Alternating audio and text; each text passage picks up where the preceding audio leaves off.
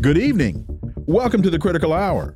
We're coming to you from the capital of the United States of America, Washington, D.C., here on Radio Sputnik. I'm your host, political scientist, author, and nationally syndicated columnist Dr. Wilmer Leon, and I'm joined here by my co host, political analyst Garland Nixon. Thank you, Wilmer. For the next two hours, we will explore and analyze the salient news stories that are impacting the global village in which we live.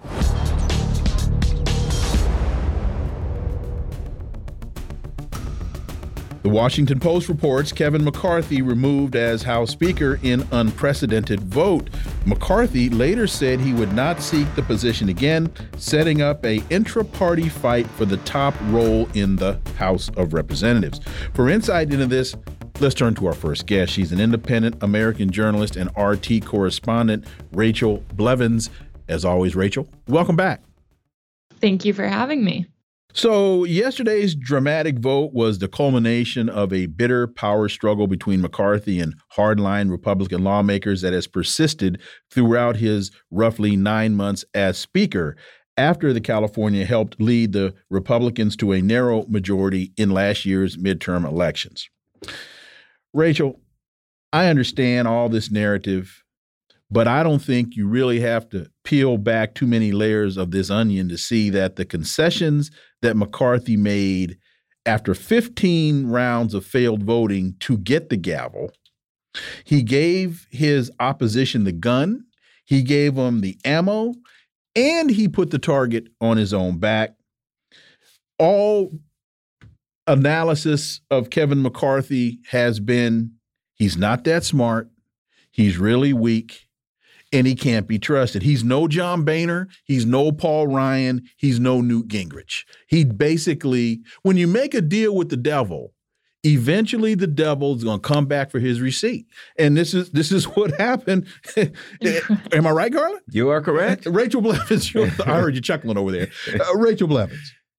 Yeah, I, I would say you've got a good point there. And yeah, I don't know what Kevin McCarthy was thinking on this one because, as you pointed out there, you know, you're talking about 15 rounds just to get him to be speaker. I think maybe he thought that he would have Democrats on his side whenever it came down to this vote because he had been at least trying to work with them, trying to make everyone happy. And I get it. When it comes to being House Speaker, yeah, you can get legislation passed in the House, but then you have to deal with the Senate approving it and then ultimately President Biden. So, not a job anyone really wants unless they've got this great majority and they think that they're going to be able to go in there and clean house. It didn't seem like McCarthy thought that. It did seem that he was oddly a little arrogant about this. You know, he had when Matt Gaetz was going up against him, McCarthy took to Twitter and goes, bring it on. And then Gaetz responded and said, just did.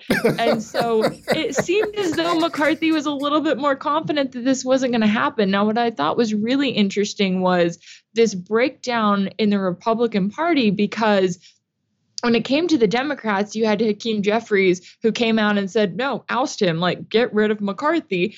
The Democrats supported it. Only eight Republicans supported ousting McCarthy as House Speaker. That obviously included Matt Gaetz, a few other of those more Trump aligned Republicans.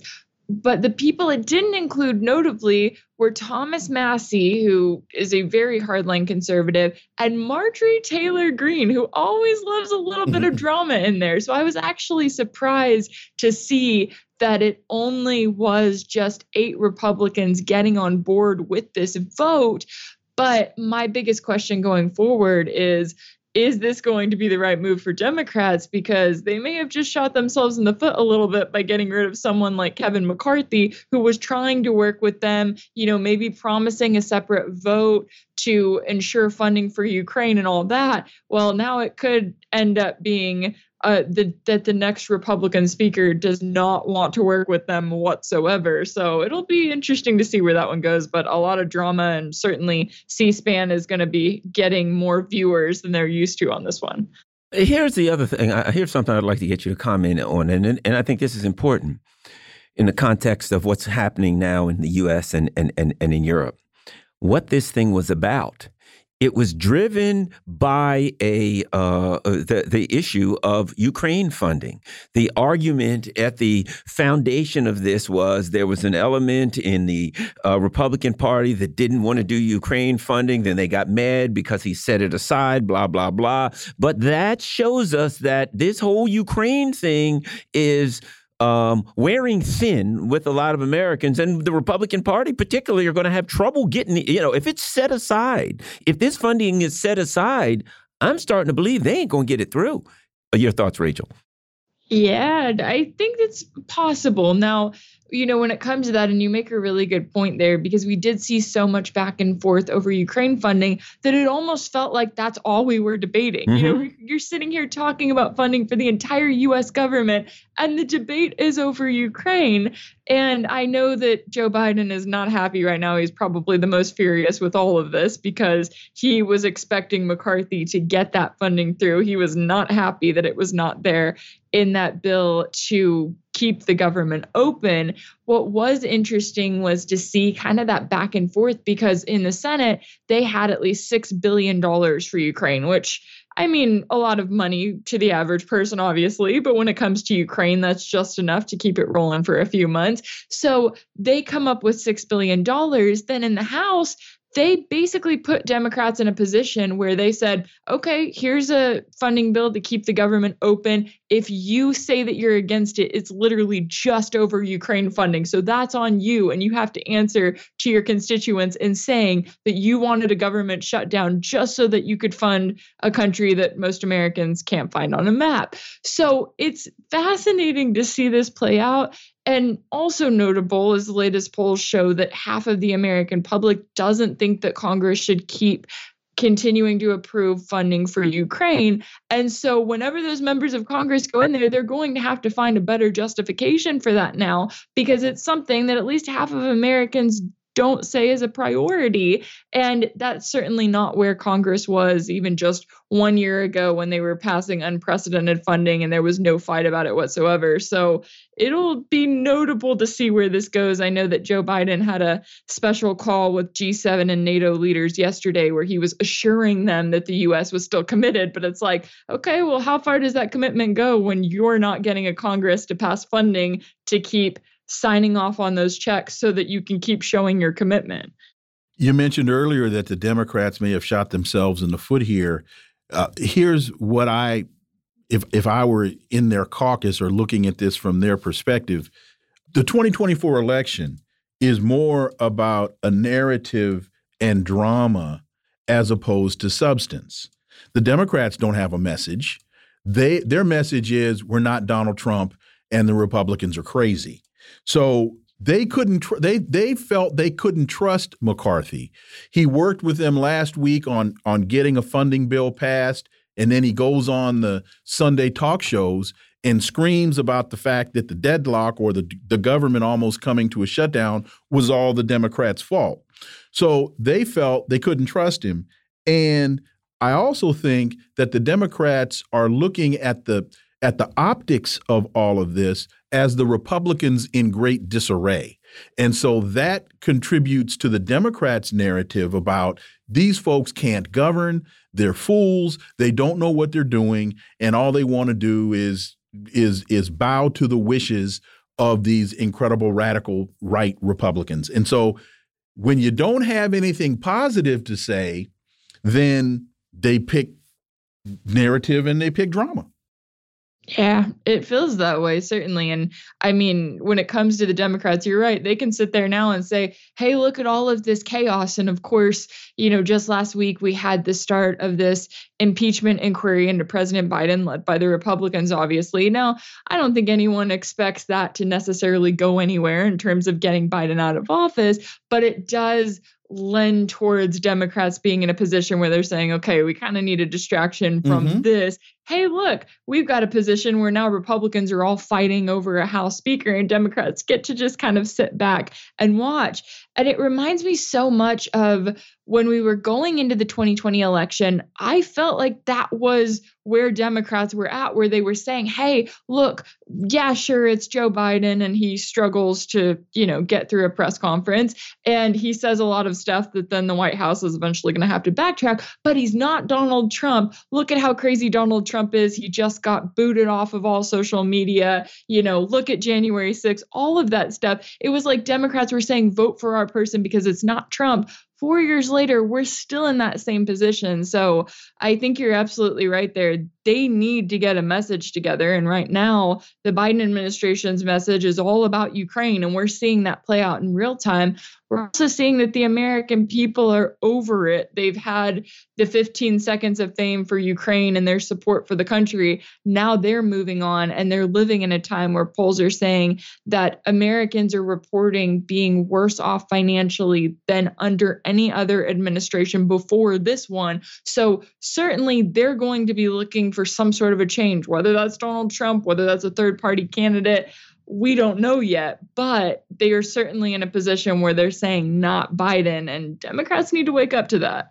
But when you go back to 2020, as you just did, remember, Joe Biden knew what to say. He talked about student loan debt. Oh, we're going to cancel student loan debt.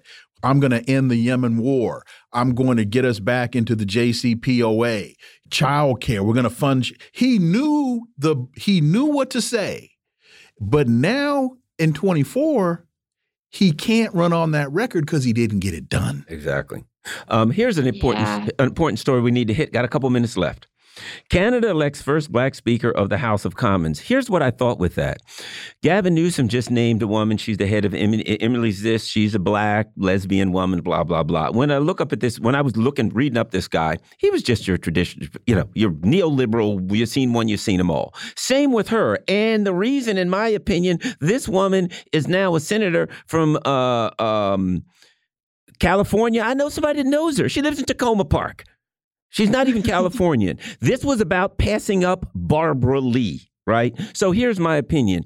They're putting these black speakers, black this, black that, neoliberal. But the, the, the, when you look at their policies, you're getting the same policies. Anyway, Rachel. It's a minstrel show. Exactly. Rachel. it absolutely is. You're right. And it reminds me again, going back to 2020, of what the Biden administration did when they came in and you looked at his cabinet and he's like, hey, guess what? I've got this woman and she's a woman of color and she's gay. And it's like, yeah, she's still carrying out the same policies that the white man before her was doing. There's no difference. And especially notable in Canada, as you know, we've talked about the fact that the House Speaker stepped down because of the fact that he honored a literal Nazi veteran in Parliament. So it's almost laughable that now that Canadian Parliament is coming back and they're like, okay, don't focus on any of his policies or what led up to that. Just focus on the fact that our new speaker is a black man and we need everyone to shut up and be happy. And yes, same goes in California where Gavin Newsom, before Dianne Feinstein even passed away, we all knew that this was coming. She was 90 years old.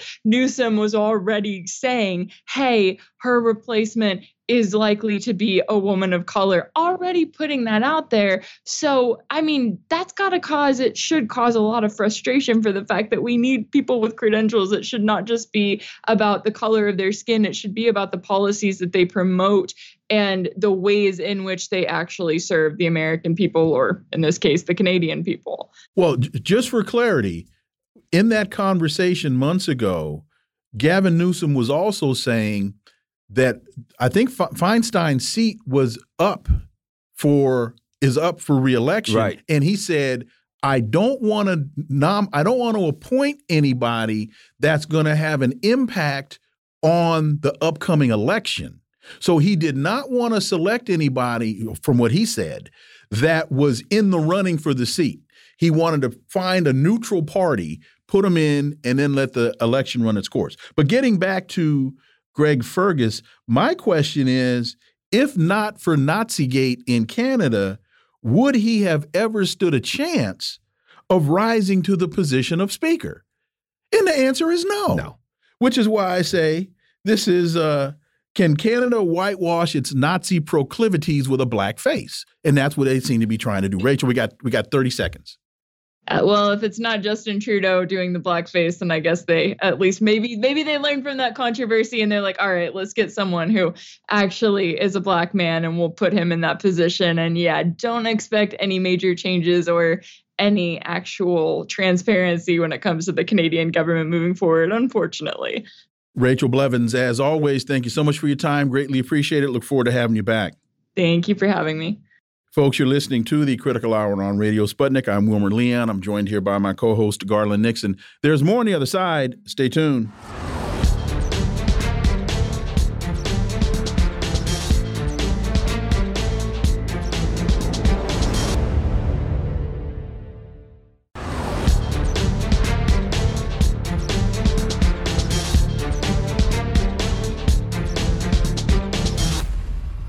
Back, and you're listening to the Critical Hour on Radio Sputnik. I'm Wilmer Leon. Garland Nixon will join us shortly.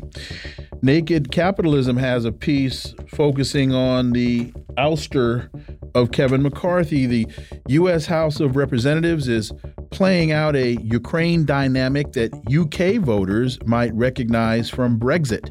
As Theresa May's gambit of snap elections backfired, she was left with a small majority in the House of Commons. The hard Brexit radicals, often called the Ultras, had more than enough votes in their solid bloc to deny May a majority. As Americans look at McCarthy's ouster, are there parallels to draw and lessons to learn from what happened with Brexit? For insight into this, let's turn to our next guest. He's a writer, a journalist, and host of the YouTube program The New Atlas, Brian Berletic. As always, Brian, welcome back. Thank you so much for having me back. So, Yves Smith, author of this piece, continues. That's one way to look at the picture that the unfortunate thin Republican margin in the House has allowed a radical fringe to get its way. But another way to look at it is that this hardcore is allowing all sort of factions that doubt the wisdom of continuing to support Project Ukraine to let them do the initial heavy lifting and see how to position themselves as events play out. Your thoughts, Brian Berletic? I think this is very this is very difficult uh, to sort out U- U.S. domestic politics uh, in the in in the White House, in Congress. A lot of it is theatrics.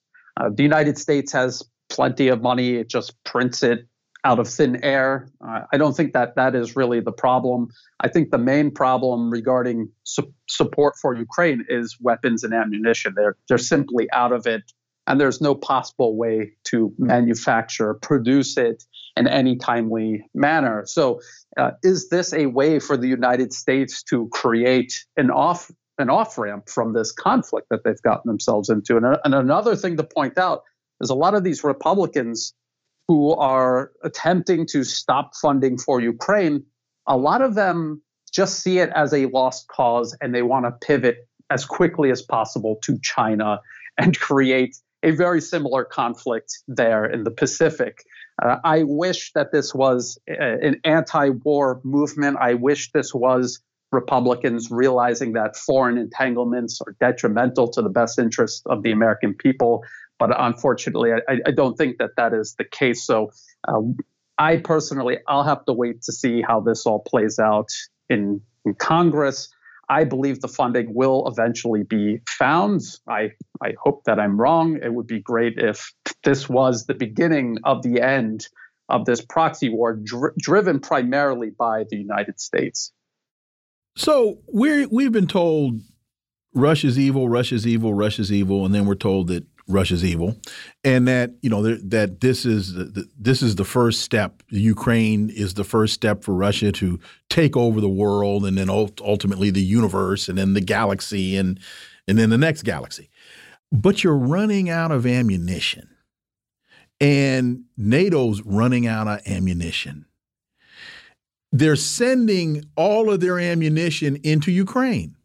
Well, then that says to me Russia wasn't really the threat that you said it was.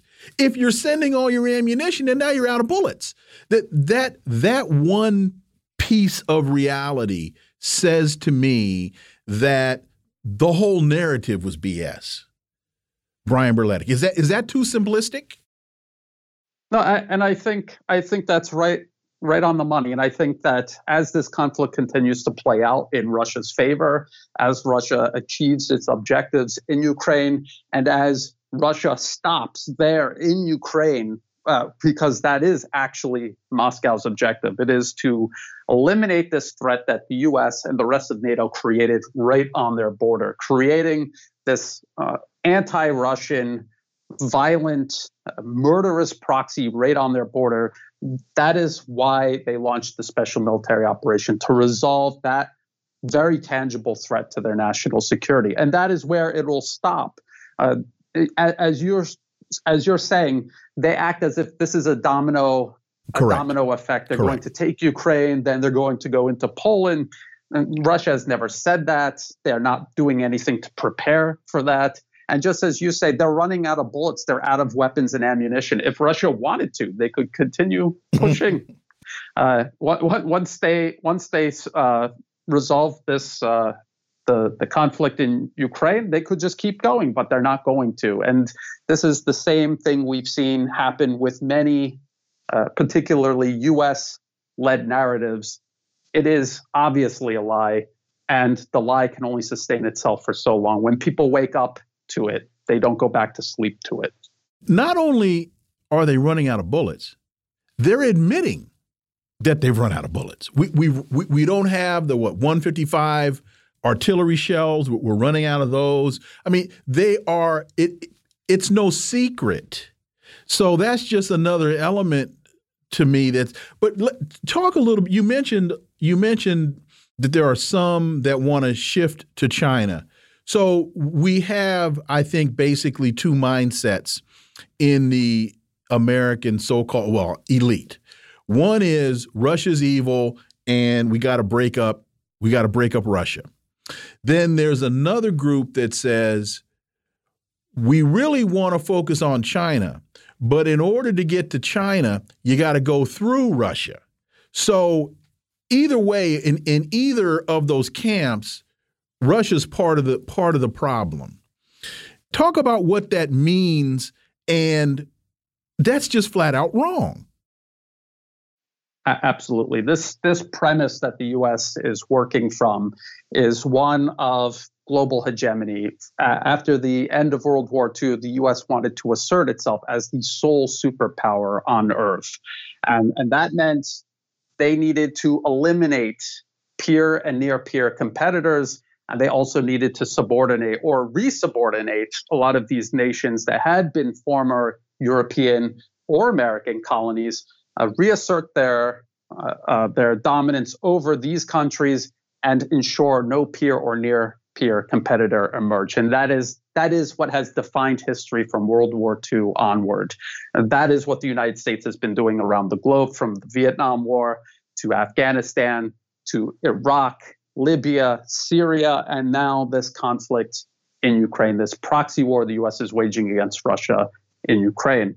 Uh, so it's not a matter of just eliminating Russia or just eliminating China. In order to maintain US hegemony, the US must eliminate both of them. But as we see, the United States doesn't have the means to do either, let alone both. That that that is the way it's beginning to appear, I think. And there's another piece that I think fits right into this part of the conversation. Blinken says China threatens U.S. led liberal world order. The Secretary of State says China is a bigger threat than Russia. Uh, when asked by The Atlantic, uh, Jeffrey Goldberg, if Russia or China is a bigger threat to U.S., Blinken said that China has a much greater ability, certain certainly, than Russia to try to shape what the international system looks like. That right there, Brian, to me speaks volumes. And and I'll say I'll use an analogy here. I don't know if you ever saw the video of former heavyweight champion Mike Tyson was on an airplane a number of months ago and there was a guy behind him that kept bothering him. And Tyson kept asking the guy to leave him alone. And the guy ignored him. And so finally, Tyson comes over the seat and pounds this guy into the dust. They had to carry the guy off the plane on a stretcher. The United States seems to be the guy on the back seat poking Mike Tyson. And what's going to happen when China and or Russia come over that seat? That's something we don't want to see. Brian Berletic. I, I, I, agree. I think that is a good analogy. Uh, uh, U.S. Secretary of State Antony Blinken was also saying, when asked, "What do you think is China's goals?" and he says, "To be the most powerful nation economically, militarily, uh, etc. Mm-hmm. on Earth." And what is what and, is wrong and, with and diplomatically? With, he he also throws. Di- yes. yeah, go ahead. Yeah, I, I, I, wasn't sure, but yes, pr- probably that as well. And what what is wrong with the nation with the the largest or the top two largest populations on Earth, the largest industrial base on Earth, an education system uh, pumping out millions more engineers, doctors, scientists than the United States. What is wrong with that nation being the most powerful militarily, economically, and diplomatically? Why should the United States with a much smaller population or the collective West, which represents a minority in terms of the global population, why do they get to be uh, the the top player? Why do they get the final word on absolutely everything? And this all goes back to generations and generations of history where the West had been uh, a global hegemon, which had dictated all of these things to the rest of the world uh, to the detriment of the rest of the world, it should be added. And China is not only surpassing the United States and Europe, it's doing it in an entirely different way. It has created an alternative for other nations to invest in. And we see, we see this happening. Uh, and this is what the United States wants to stop in reverse, but it is something that I don't think they can stop.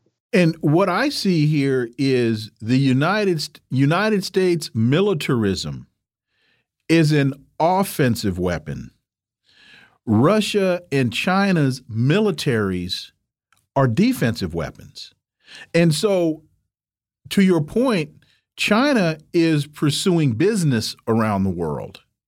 And they have a military to protect themselves when others try to intervene militarily.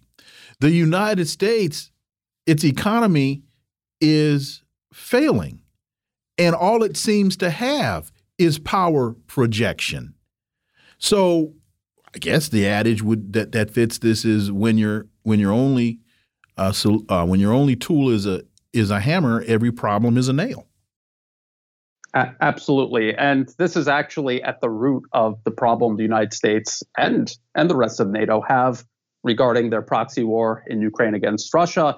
They're out of weapons. They're out of ammunition precisely because they created a military to fight these small wars all around the globe, to project power around the globe. They never focused on one area where they sought to defend themselves because they were not defending themselves, they were projecting power. Russia has for decades built its military to primarily defend itself in uh, between itself and Western Europe. And China has been building its military up solely to protect its shores, particularly uh, the Strait of Taiwan from US intervention. So they have built up these massive militaries to fight these large scale conflicts against a foreign invader, uh, more specifically the US and its allies the US has been building its military to torment everyone on earth. They are spread too thin, and the process of concentrating military power takes too long. Uh, retooling factories, expanding factories, uh, reconfiguring your whole military, these are things that take years and years to do. Their current proxy wars don't have that time. They don't have years uh, where they can wait for the US to rework this. And this, all of this takes us, th this last story takes us right back to where we started. CNN reports Western ammo stocks at bottom of the barrel as Ukraine war drags on. Western militaries are running out of ammunition to give to Ukraine. NATO and British officials warned yesterday. The United States is fighting Russia in its own backyard, in a war that Russia has been preparing for for the last 15 years, and they're not running out of artillery shells. We got 30 seconds, Brian Berletic. well, that's that's all absolutely true. And what I what I thought was particularly sad was Danilov, uh, head of U- Ukrainian National Defense, saying the U.S. won't abandon Ukraine because the U.S. is the champion for democracy globally. And I don't know if he's aware of what just happened in Afghanistan. I, I think he should look into it.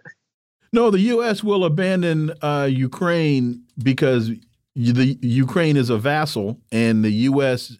does to its vassals what it does to its vassals, and so that's. Uh, Brian Berletic, as always, thank you so much for your time. Greatly appreciate uh, that analysis, and we look forward to having you back. Thank you. Folks, you're listening to the Critical Hour on Radio Sputnik. I'm Wilmer Leon. I am joined here now by my co host, Garland Nixon. There's more on the other side. Stay tuned.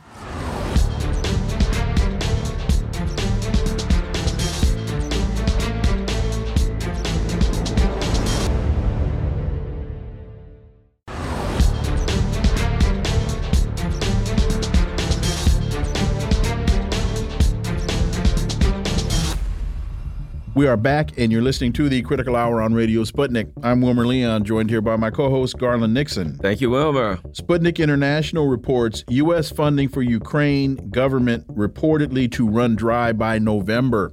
After a stopgap measure to avoid a government shutdown was passed by Congress without including funding for Ukraine, Pentagon Comptroller Michael McCord warned U.S. lawmakers that the Department of Defense was swiftly running out of money needed to replenish its own military stockpiles drained by the funneling of aid to, to Kiev. How significant of a problem is this? Well, for insight, let's turn to our next guest. He's a professor of political science at the University of Rhode Island, specializing in Ukraine and Russia, and author of The Tragedy of Ukraine What Classical Greek Tragedy Can Teach Us About Conflict Resolution. Professor Nicolai Petro, as always, welcome back. Nice to be with you again. Thank you. So the piece continues without another abundant infusion of cash from Congress, U.S. funding for Ukraine's government expenditures will run dry by November. This is according to a report citing officials in Washington. They say while Ukraine's finance ministry has resources to cover the budget needs for October, beyond November, the government could face decisions about what services or salaries to cut or whether to attempt to borrow. First of all, that sounds a lot like the United States and what we've been battling for the last couple of years with these foolish continuing resolutions and the U.S. government's inability to pass a budget. But with all that said, uh, your thoughts on this, uh, Professor Petro, and do you see this as being a real problem, or is this just a narrative to ensure that funding continues to flow? Probably a lot more of the latter. Um, I was struck by the fact that the chairman of the Senate Intelligence Committee earlier this week commented, quote, I still don't have 100% clarity on what on what happened to the 113 billion that we've already appropriated and how much of that is left. He goes on to say because he was in, they were interviewing uh, Pentagon representatives, there was a little bit of hide the ball. Mm-hmm. I think that tells you a lot. And also, uh, the Defense Department apparently um, a few months ago said that they had suddenly discovered $5 billion in surplus funding in military equipment uh, for Ukraine. So Mm, it, this may be more of an, uh, an accounting error than a, than a real uh, shortage of funding. Uh, uh well, yeah, it seems to me though that that is uh, uh, uh, going to be an issue. You know, we're reading articles that are saying, um, and we're looking at what's happening, uh, the instability in the House of Representatives. It seems to me that the ousting of Speaker, Speaker McCarthy was directly related to a an inter-party row. row um, intra-party row, row over um, Ukraine funding. Your thoughts on that? Quite possibly, although I have difficulty thinking of Ukraine as much of a, as a primary issue for uh, American politicians. Uh, I think it is more of a symbolic issue, and uh, that they will. Their primary interest is not voting uh, up or down on Ukraine aid. It is on what that symbolizes and how it can play out in the American uh, political process. You know, there's one other aspect to this that uh, not uh, mentioned very often, and that's that not all the money that mm, the U.S. government has at its dis- at its disposal uh, requires congressional authorization. When President Zelensky was here uh, in September, Biden announced specifically $325 million in aid, drawing on funds that do not require congressional author- authorization. So if the president can uh, find uh, some sort of pot of money where there are 325 million dollars available, maybe you know there's there's a few hundred more uh, million there that could be sent uh, to Ukraine from the same undisclosed source. Well, as we look at funding for Ukraine government reportedly to run dry by November, it's also reported UK runs out of weapons to send to Ukraine. The United Kingdom has run out of weapons which can be sent to Ukraine and should encourage other countries to boost their efforts. You know, the underlying element to that point, Professor Petro, if Russia was really the threat that everybody was making it out to be, how is it that they've already run out of bullets? They've run out of tanks and uh, because if if if the major plan based on the narrative that we've been sold was that Ukraine was the domino, the first domino in Vladimir Putin's insane mission to take over the world, then take over the universe, and then take over the galaxy, then how is it that everybody's running out of bullets this just doesn't make sense to me. But the greater point here: Ukraine is running out of weapons. To, I mean, uh, UK is running out of weapons to send to Ukraine, as now they're saying they're going to run out of money. Professor Petro. Yeah, this kind of fits in with what we're hearing uh, from Washington. Uh, London and Washington seem to be on the wave, same wavelength here. Um, we're uh, both at the same time uh, ramping up production and uh, not sure how much uh, we have and how much is even needed. Uh, last month, for example, the new UK defense minister said London would deliver tens of thousands of new artillery, artillery shells. Three weeks later, it's we've given away as much as we can afford. This sort of flip flop is very convenient when you are preparing the populace at large for a transition of policy from um, we'll do whatever it takes as long as it takes to no, we really need to be thinking about the cost. That's a very different argument to make. It's no longer we can afford anything and uh, the stakes are, are, are so high that they're almost inconceivable. It's rather bringing the reality of war a little bit uh, down to the ground because because it's an election year, concretely. And uh, things could go very badly. Uh, not only in the United States, but in Europe at least all the polls and the recent elections suggest that this um, NATO proxy war in Ukraine is extremely unpopular. And uh, that, uh, in and of itself, is going to at least affect the narrative between now and several key elections. Politico's reporting, and I think this is related. EU set to announce Ukraine access, accession talks by December. The European Union is gearing up to open negotiations with Ukraine on its future accession to the bloc. Let me say this with a formal announcement expected as soon as December if Ukraine is part of EU, it makes it easier for them to, the EU, and not just NATO, to then give funds to Ukraine. Additionally, um, if they're thinking about trying to find some kind of an off ramp, though there's not a lot of indication they are, but if they're running out of money, they're going to have to. This would kind of align with that, in my opinion, also, because they could take it from a NATO project to say this is an EU project. Your thoughts on all of that, um, Dr. Petro? Yeah, I think that this uh, makes it uh, more unlikely that you an actual accession um, is in the works.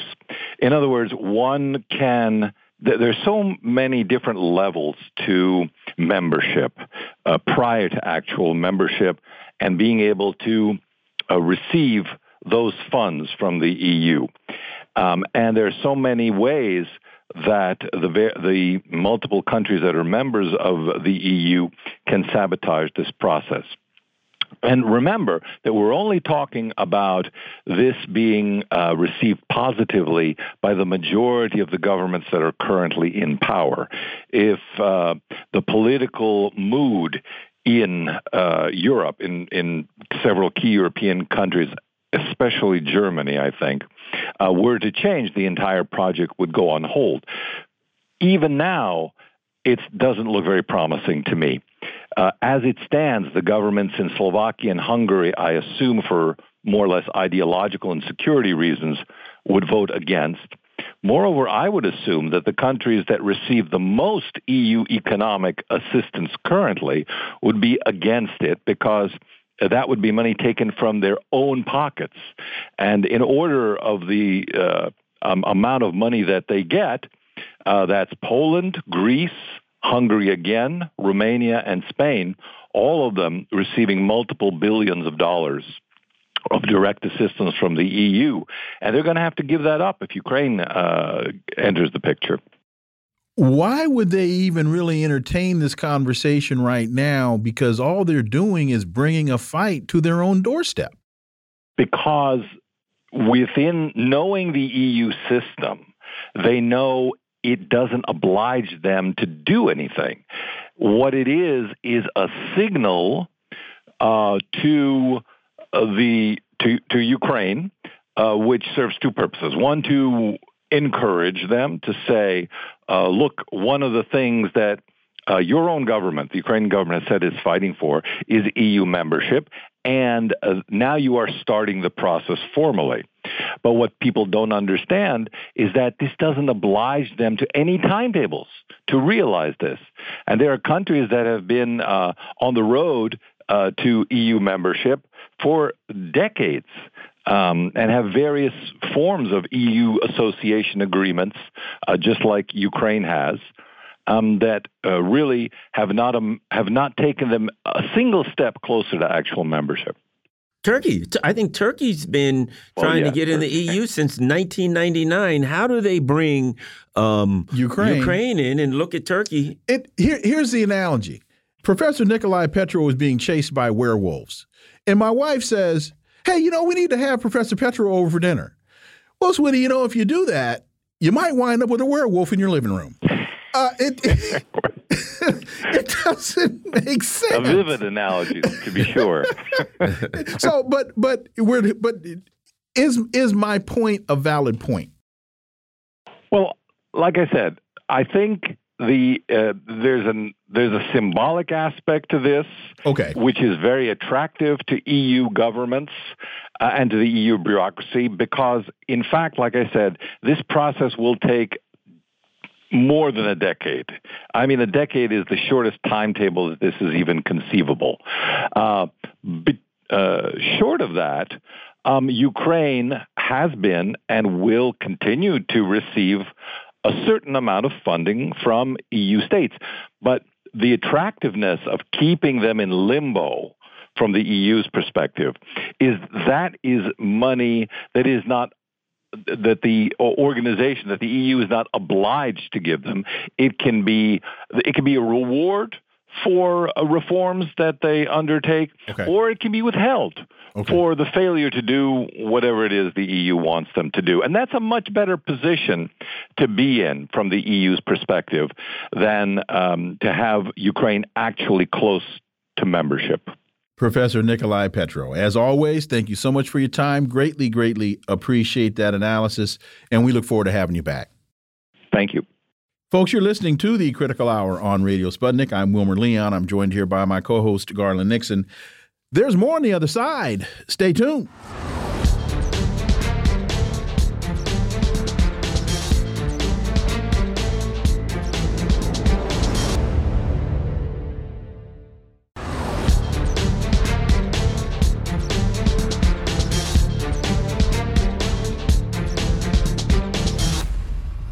We are back, and you're listening to the Critical Hour on Radio Sputnik. I'm Wilmer Leon, joined here by my co host, Garland Nixon. Thank you, Wilmer. Orinoco Tribune has a piece entitled U.S. and Allies Extremely Unhappy About Slovakian Election. This is according to Alexander Mercouris.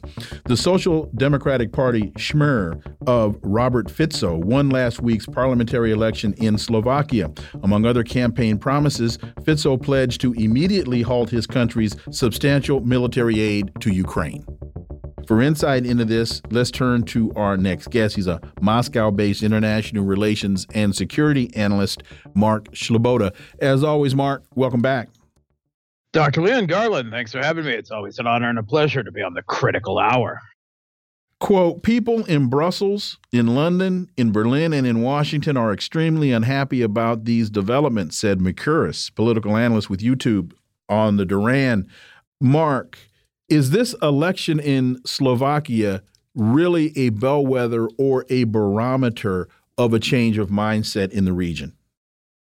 Yeah. Um, okay. So, I mean, it doesn't take a genius to to uh, figure out that the you know uh, political elite of the collective West is extremely unhappy uh, with the reelection uh, of uh, Fico. Uh, he has previously been prime minister twice before.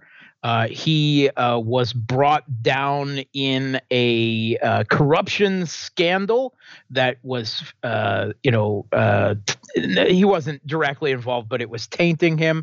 and there's a lot of people that say that that was politically engineered previously to bring him down. But um, the way he has presented uh, the challenges, uh, you know, of course, mainly economic, uh, facing the country uh, at the moment, uh, particularly when so much of of Slovakia's economic problems. Uh, the region's economic problems are a result of the existential economic war of sanctions on Russia and the catastrophic blowback from that, most particularly on energy prices, surging inflation, and the like.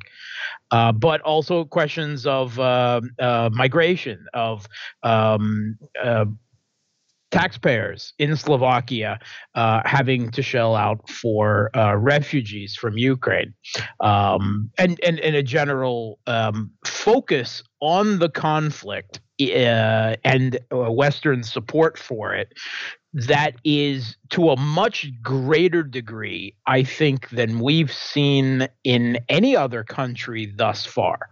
Uh, it really was an important issue in this election. Of course, it touches on and has reverberations with a lot of other things.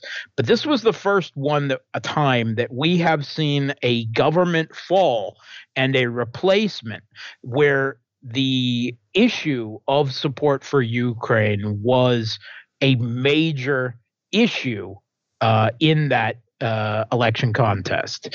And for some uh, background here, uh, Fico's Social Democratic Party is, uh, first of all, it's the uh, immediate descendant of a breakup of a larger left Democratic Party. Um, and uh, before that, the that large left Democratic Party is a is, is a direct uh, ancestor of Slovakia's own Communist Party.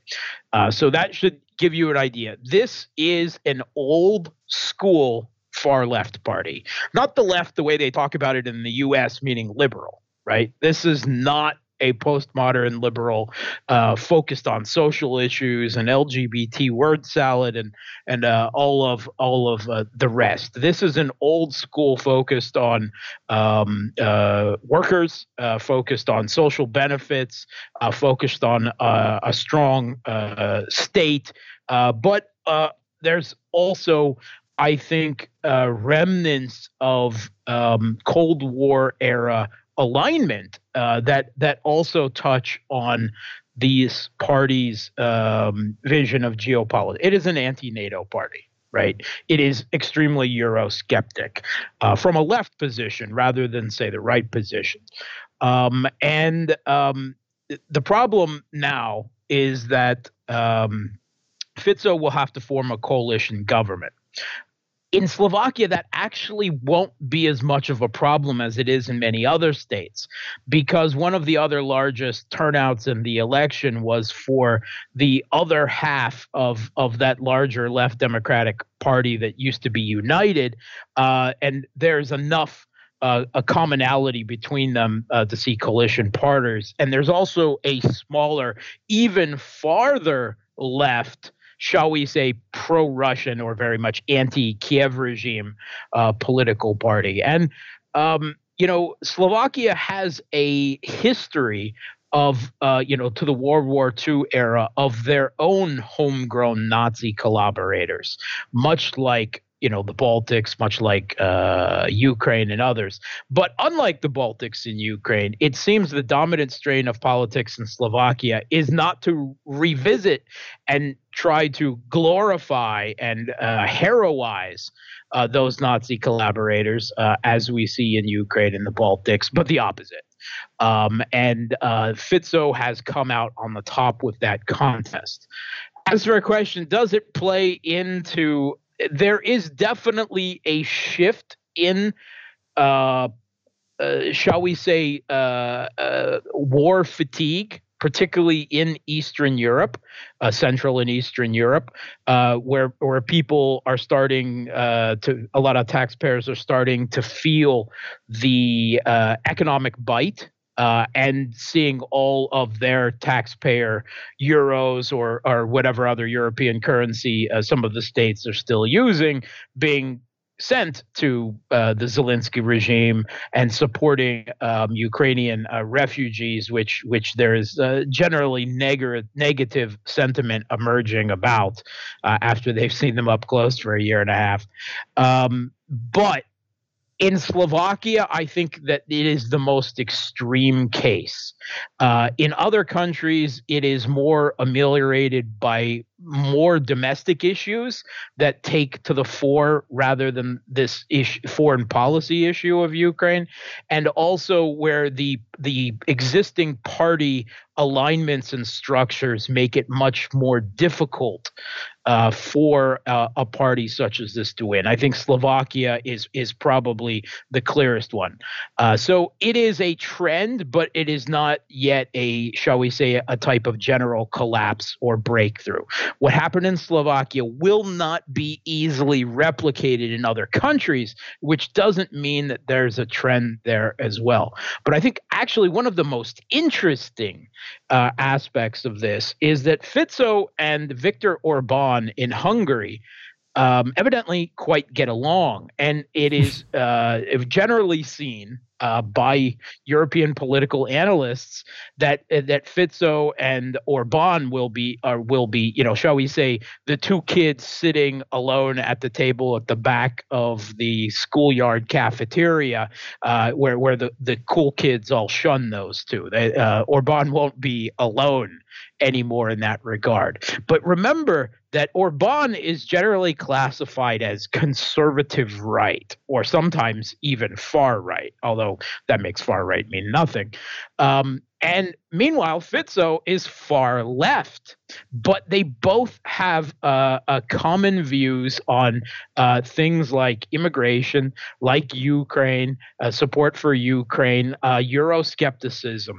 And this is a real meeting of the minds across the right left divide that um, I think is really necessary across Europe to defeat a neoliberal neocon in terms of of of U.S. supportive of U.S. Uh, hegemony uh, geopolitical positions, um, uh, hegemonic center, center right, center left that dominates European politics, much like it dominates politics in the U.S. and the U.K. This is what's needed to beat it far left and far right reaching hands across the aisle on common issues, and um, it it. It, it, maybe it's not a dramatic breakthrough, uh, you know, for the entire region, but it's definitely going to make a lot of heads turn. Two things we'll put together that are directly related, and that is the AFD and Parliament Alternative for Deutschland, I believe it is, their party, who is, again, right wing, Eurosceptic, um, and opposing the Ukraine conflict. And another article most Poles think they should stop helping Ukrainian refugees. It seems like, I'm not going to say the tide is turning, but, you know, people are losing taste for the results of this. Your thoughts on these two things together? Yeah. So, like I said, this is a definite trend, right? Uh, particularly the issue of immigration is hitting home to a lot of people in Central and Eastern Europe, and and a lot of that is tied, of course, with Ukrainian refugees. And the other one is, you know, the economic costs, you know, direct uh, uh, taxpayer funding, uh, but also, you know, the energy costs and the inflation.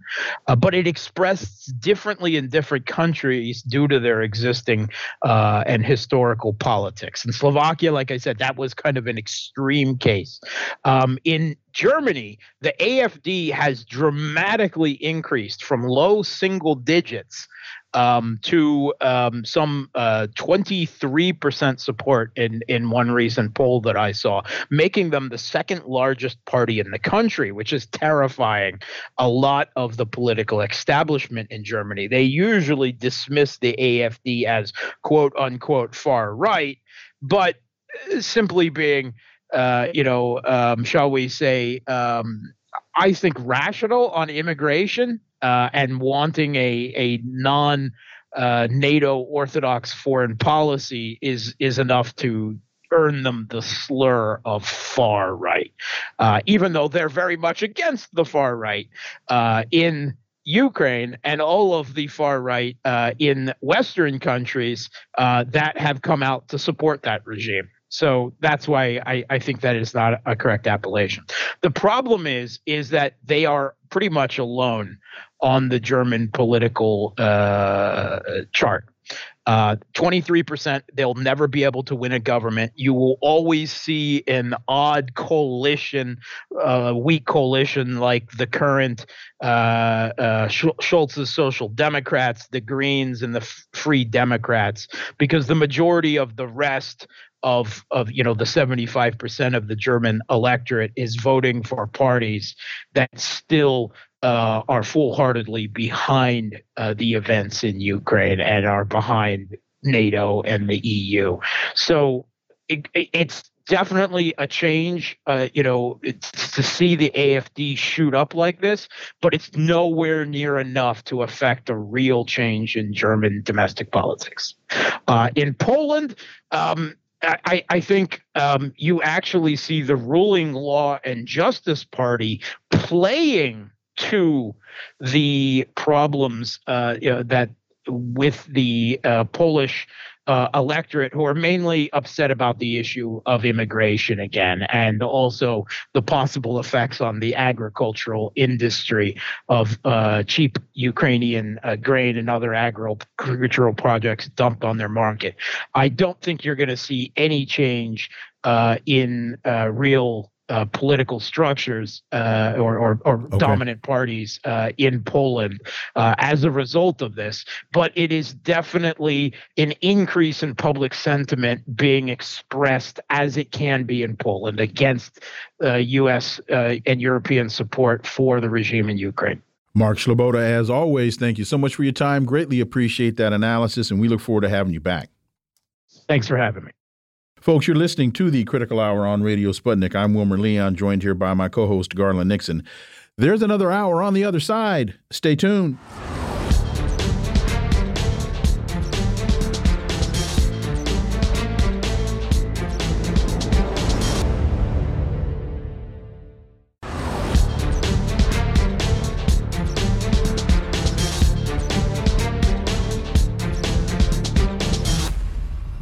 We are back, and you're listening to the Critical Hour on Radio Sputnik. I'm Wilmer Leon, joined here by my co host, Garland Nixon. Thank you, Wilmer. The Washington Post reports Canada elects first black Speaker of the House of Commons. Canada's House of Commons voted in Greg Fergus as its first black Speaker yesterday, following the resignation of the previous Speaker, who had invited a Nazi veteran to Parliament. What's the real significance of this? Can Canada whitewash its Nazi proclivities with a black face? Well, for insight, let's turn to our next guest. He's a journalist and Palestine activist and author. His latest book is entitled Settler Colonialism in Palestine and Kashmir. Robert Fantina, as always, Robert, welcome back. Thank you very much. Quote, Greg Fergus not only brings a wealth of experience to this role, he is the first black Canadian to become Speaker of the House of Commons, an inspiration to all Canadians, especially younger generations who want to get involved in politics. End quote. That's Canadian Prime Minister Justin Trudeau saying in a statement issued by his office. Robert, Canadian politics is not my long suit, so is my pessimism warranted here? This this looks like a political minstrel show. Uh, let me put this another way: if not for Nazigate, would Greg Fergus have stood a chance of rising to the position of speaker? And if they needed a blackface to do this, I know Justin Trudeau got caught wearing blackface. they could have gone to uh, Virginia go. and gotten Ralph Ralph, the former governor of Virginia, Ralph Northam. So help me out here, Robert.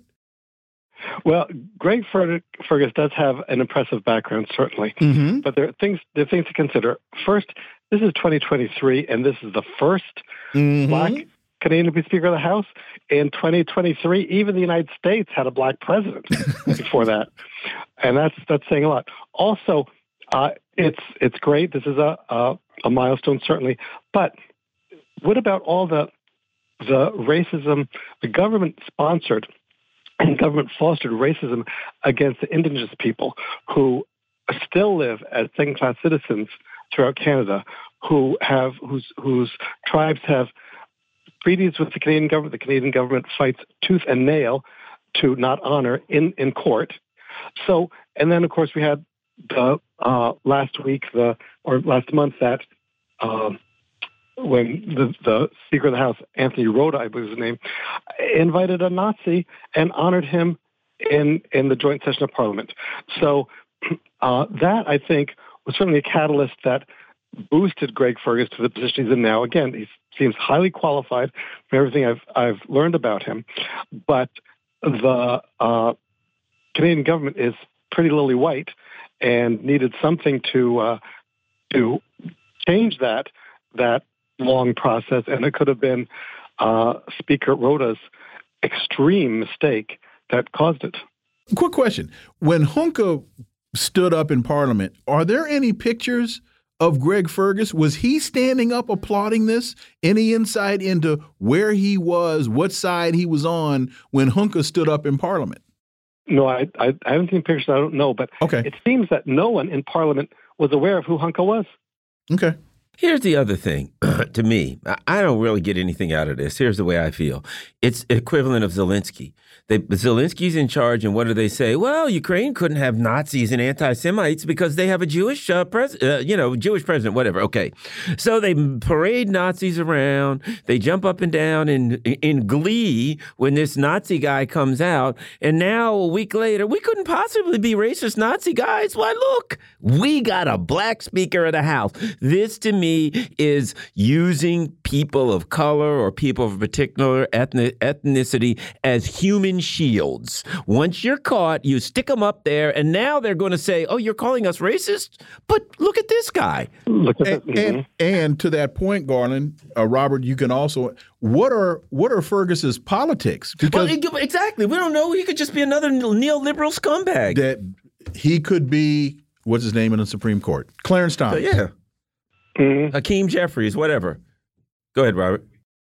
We don't we don't know. Uh, okay. Again, he's he's had a lot of he's had a lot of positions in government, so he's very experienced. His politics, I don't know. And of course, the the role the Speaker of the House of Commons is very different than the Speaker of the House of Representatives of the United States. But to get back to your idea of parading around a person of color and say, "Oh, we're we're not racist," I've heard arguments from otherwise reasonable people who say, "Well, there's no racism in the United States. The United States uh, elected a, a black man as president." Oh, okay all is well now. All there's no more uh, racism in the police force. There's no more racism in the uh, in government institutions. There's no more racism in the justice system. All because a black man was elected president.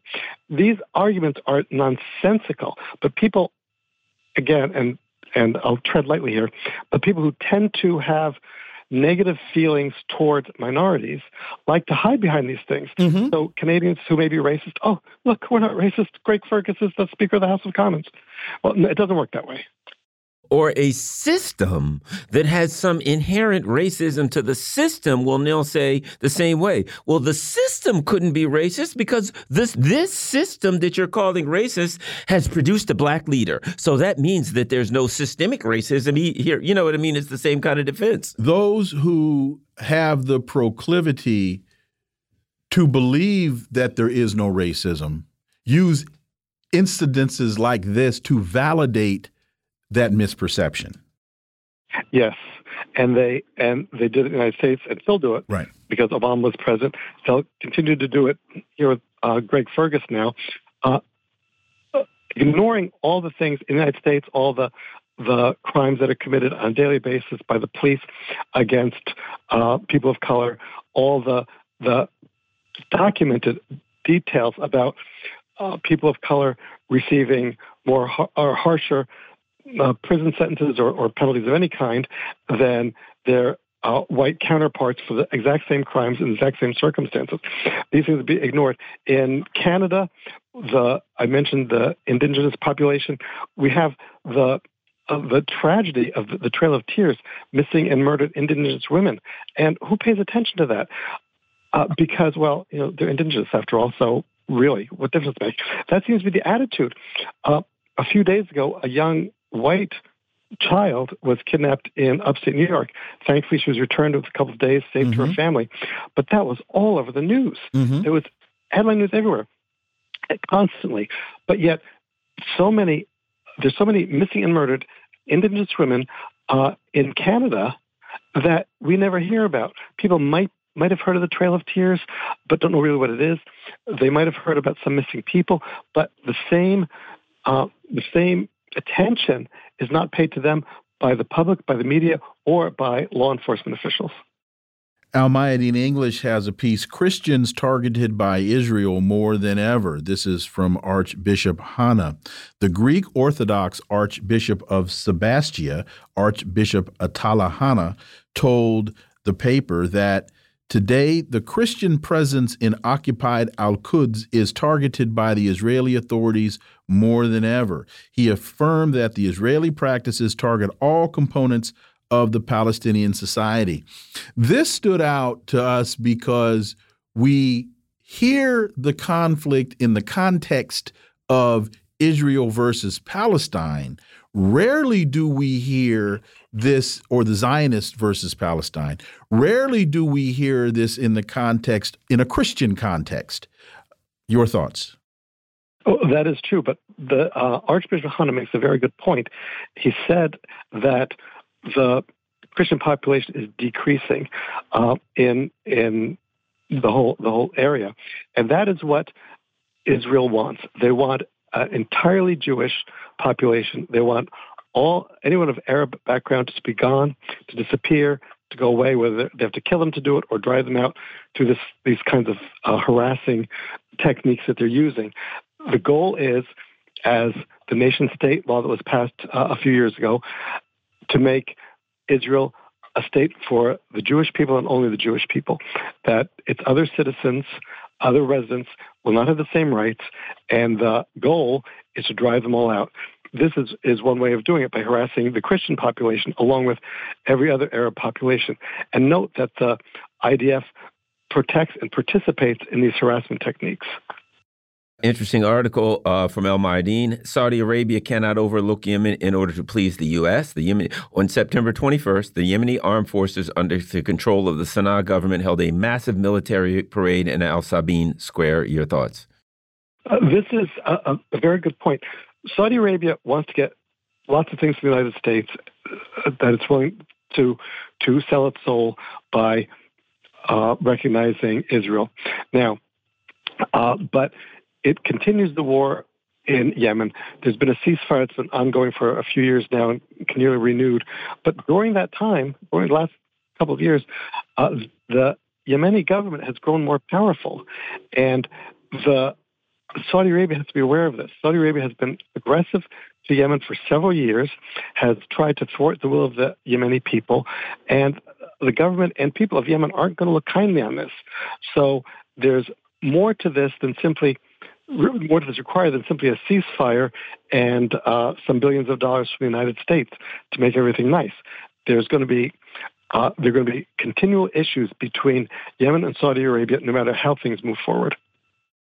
Does the introduction of China into the diplomatic uh, space uh, as it relates to China bringing about the rapprochement between Saudi Arabia and Iran.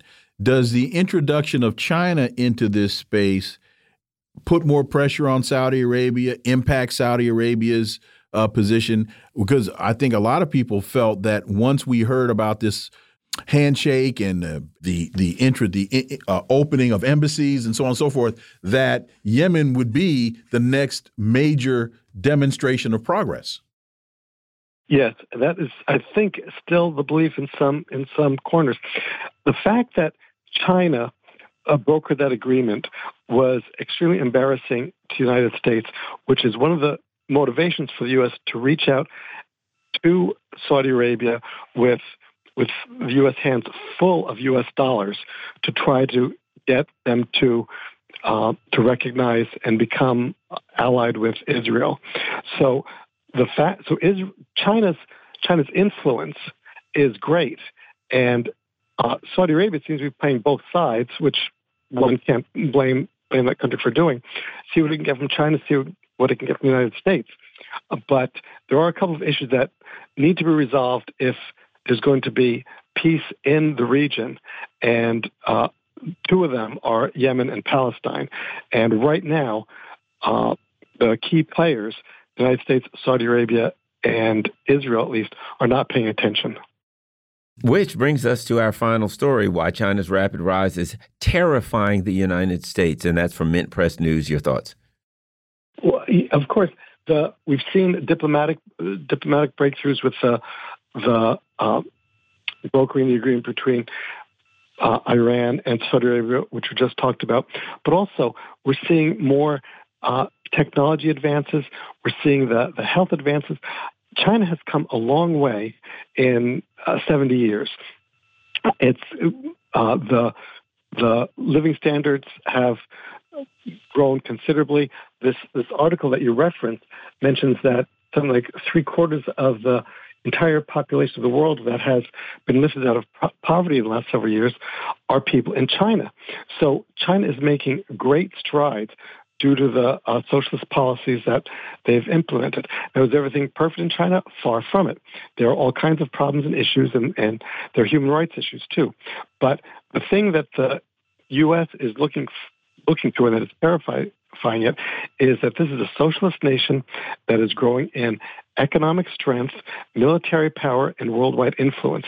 The United States wants to have the the corner on all those three aspects and to control the world in that regard. And now it sees a major competitor uh, in China. Robert Fantina, as always, thank you so much for your time. Greatly, greatly appreciate that analysis, and we look forward to having you back. Thank you very much. My pleasure, as always. Folks, you're listening to the Critical Hour on Radio Sputnik. I'm Wilmer Leon. I'm joined here by my co host, Garland Nixon. There's more on the other side. Stay tuned.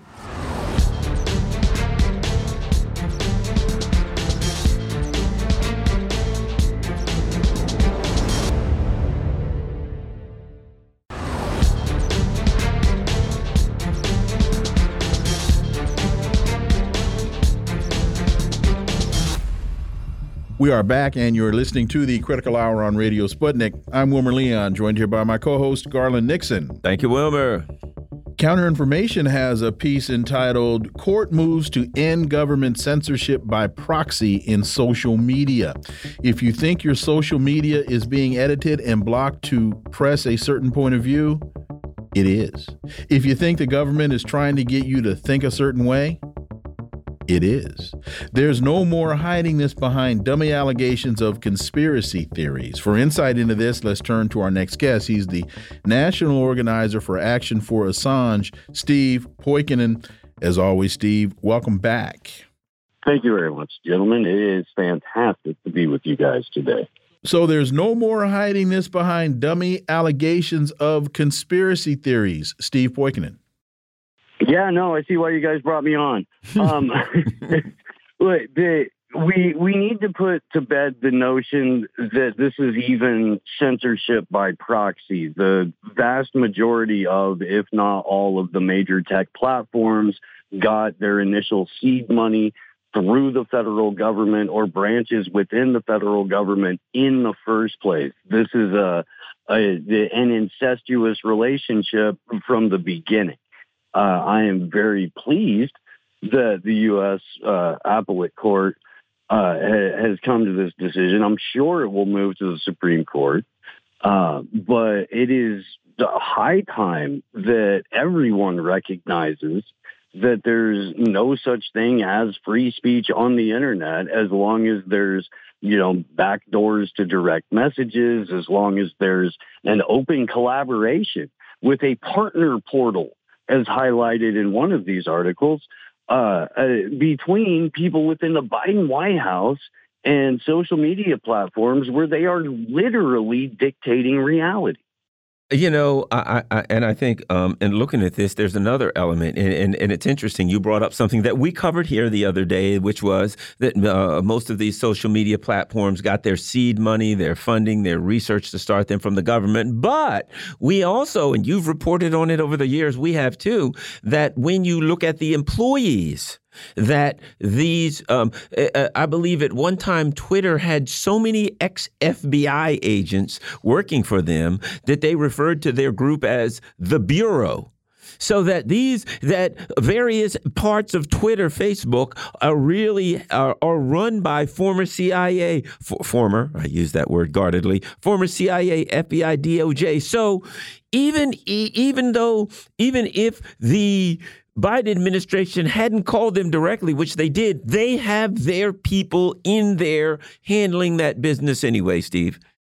Oh, absolutely. And it, as soon as they get caught, they're not shy about it. They try to spin it as uh, some sort of public good that they've been doing. The uh, Washington Post article that we we that relates to this story too. The way that it's framed is one of the most insidious empire propaganda bootlicking pieces of fluff that I've read for a while, and this is the Washington Post. The, they try to frame it like uh, like these evil Republicans are one, the only people that are interested in this hilarious concept called free speech, and, and, that it is a political thing and purely political only that anyone would have an active interest in the Bill of Rights. Uh, instead of a fundamental human right to existence, which is effectively what it is. Uh, but they, they put it as like they're trying to get in the way of a, a relationship with uh, tech and the government where they're trying to, you know, protect people and keep everybody safe from the perils of misinformation that a couple of years down the road they all admit wasn't really misinformation, but we really wouldn't have liked it. Uh, we really would have liked it if you would have kept your mouth shut at the time. The U.S. Court of Appeals ruled that the Biden White House and the FBI violated the First Amendment by improperly driving social media companies' decisions to remove or suppress posts on COVID and election topics. The judge wrote, White House, the CDC, and FBI, and a few other agencies urged the platforms to remove disfavored content and accounts from their sites, and the platforms seemingly complied. They gave the officials access to an expedited reporting system, downgraded or removed flag posts, and deplatformed users. If that's not suppression of thought, Steve Poikin. And if that's not censorship, I don't know what is. Well, and it's it's so overt eh, to the point to where you have to ask yourself, eh, and if you haven't already, I'm sorry, but you have to start asking yourself, you know, what about this is different from any totalitarian society that I have ever read about?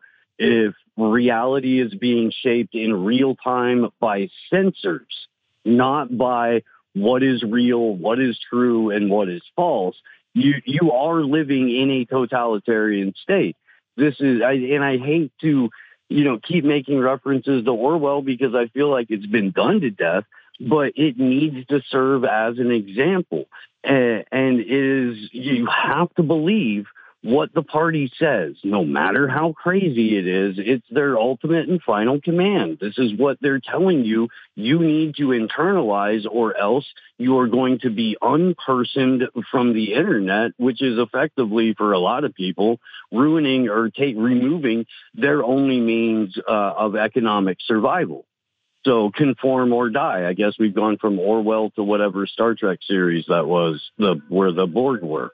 And you know, you made the point uh, about removing stories, and I said this yesterday, but I think it's worth repeating. I was listening to a C-SPAN radio story on uh, Monday about immigrants, the the number of immigrants coming from Venezuela, and they kept talking about how Maduro was decimating the Venezuelan economy, and Hugo Chavez had decimated the Venezuelan economy, and they were just running the country into the ground. Not once during the story did they mention U.S. sanctions against the country and the impact that those sanctions were having and why those sanctions were put in place in the in the first place. So a lot of people think that the propaganda comes from what you're told. It can also come by what you're not told. Oh, absolutely. And in this world, a decade plus removed from the Smith Modernization Act, which allows for government propaganda to be on the airwaves, unfettered, unannounced, unfiltered, uh, 24 hours a day, we, we've been conditioned culturally to, even if we don't believe one particular side of a narrative, we believe the immediate and opposite counter narrative, which is just as fraudulent in the first place. And with Venezuela, no or eh, in fact, any country that we can point our finger to and wag at, and without admitting that our foreign policy is a direct result of the problems that we're blaming on them, it, just becomes a, another method of continuing that self-perpetuating money laundering machine because now you can have your all all your media apparatus drum up support for another illegal coup or another illegal assassination attempt and so on and so forth. Now, the the, uh, the one of the uh, um, responses from the from the White House is this administration has promoted responsible actions to protect public uh, health, safety, and security when confronted by challenges like a deadly pandemic and foreign act attacks on our elections. What they leave out is this. There's a First Amendment. Oh, these our actions were responsible. You may consider them responsible. That's subjective, but they're in violation of the First Amendment. You may consider them responsible, etc. But there are those who will look at them and say, "You literally said that posts that were factual and true were, quote, malinformation, specifically because they were true. That was the problem you had with them, and you call that responsible. Whatever the case, they don't address the fact that their, quote, responsible actions violated the Constitution, Steve. Well, then you have to talk about the public-private partnership that exists between the government and uh, the pharmaceutical industry and a number of the other industries that that act as you know satellite beneficiaries uh, of that relationship. You have to tell people that while we're rewriting real time and removing factually accurate information from public view, we're also going to tell you that uh, you need to allow for all of your tax dollars to go fund an illegal NATO war in Ukraine. This segment is brought to you by Pfizer. This segment is brought to you by Moderna. Uh, and we're not supposed to look at that and make the connection. We're just supposed to nod our heads in agreement, like my my little chicken down below me is doing.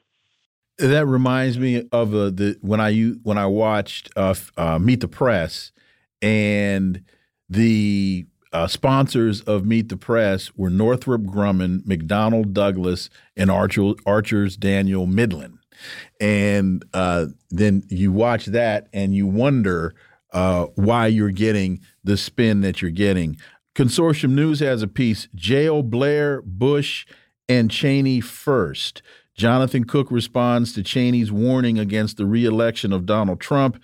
There's not much to thank Dick Cheney for, but perhaps he deserves credit for one thing illustrating how effectively our political systems can rehabilitate even the most monstrous of moral monsters. Your thoughts, Steve Poikonen?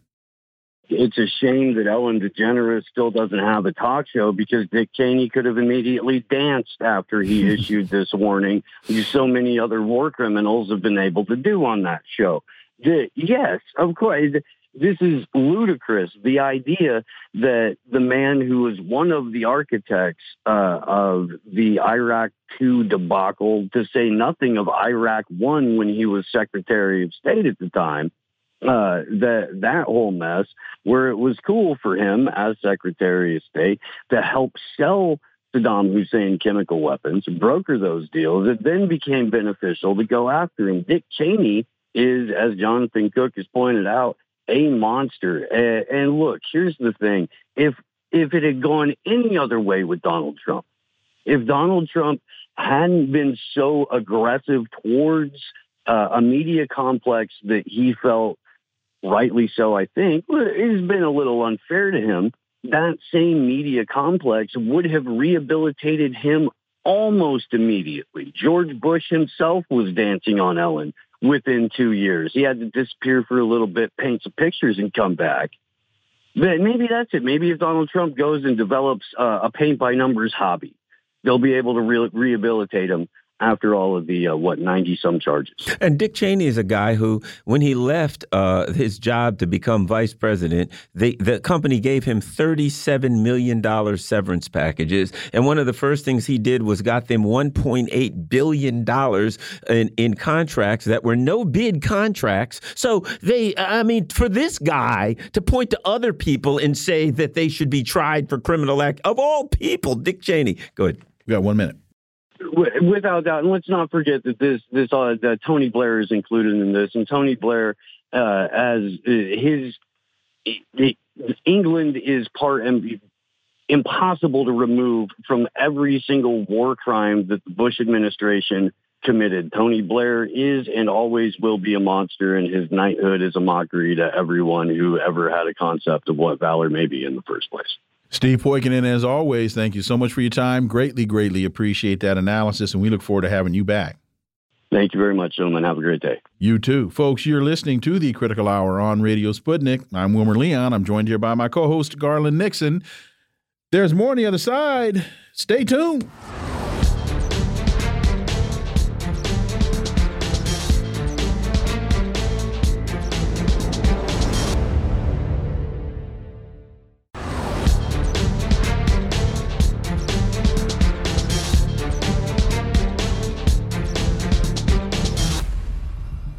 We are back, and you're listening to the Critical Hour on Radio Sputnik. I'm Wilmer Leon, joined here by my co host, Garland Nixon. Thank you, Wilmer.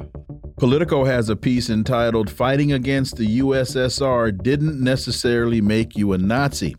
Canada's Hunka scandal is a demonstration of how, when history is complicated, it can be a gift to propagandists who exploit the appeal of simplicity. They call it the Hunka scandal, I call it Nazigate. For insight into this, let's turn to our next guest. He's an author and two time Pulitzer Prize finalist and a Knight Fellowship recipient with more than 20 years years of journalistic experience. He's a former Washington Post bureau chief and award winning foreign correspondent on two continents. John Jeter, as always, John, welcome back. Happy to be here. So, Keir Giles, the author of this piece, continues. Now, folks, pay attention to this.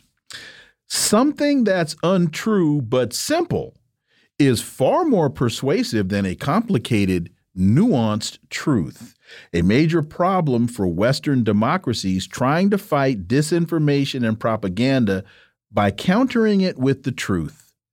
And one reason why fact checking and debunking are only of limited use for doing so. In the case of Hunka, the mass outrage stems from his enlistment with one of the foreign legions of the Waffen SS, fighting Soviet forces on Germany's Eastern Front. This history is complicated because fighting against the USSR at that time didn't necessarily make you a Nazi, Just someone who had an excruciating choice over which of these two terror regimes to resist.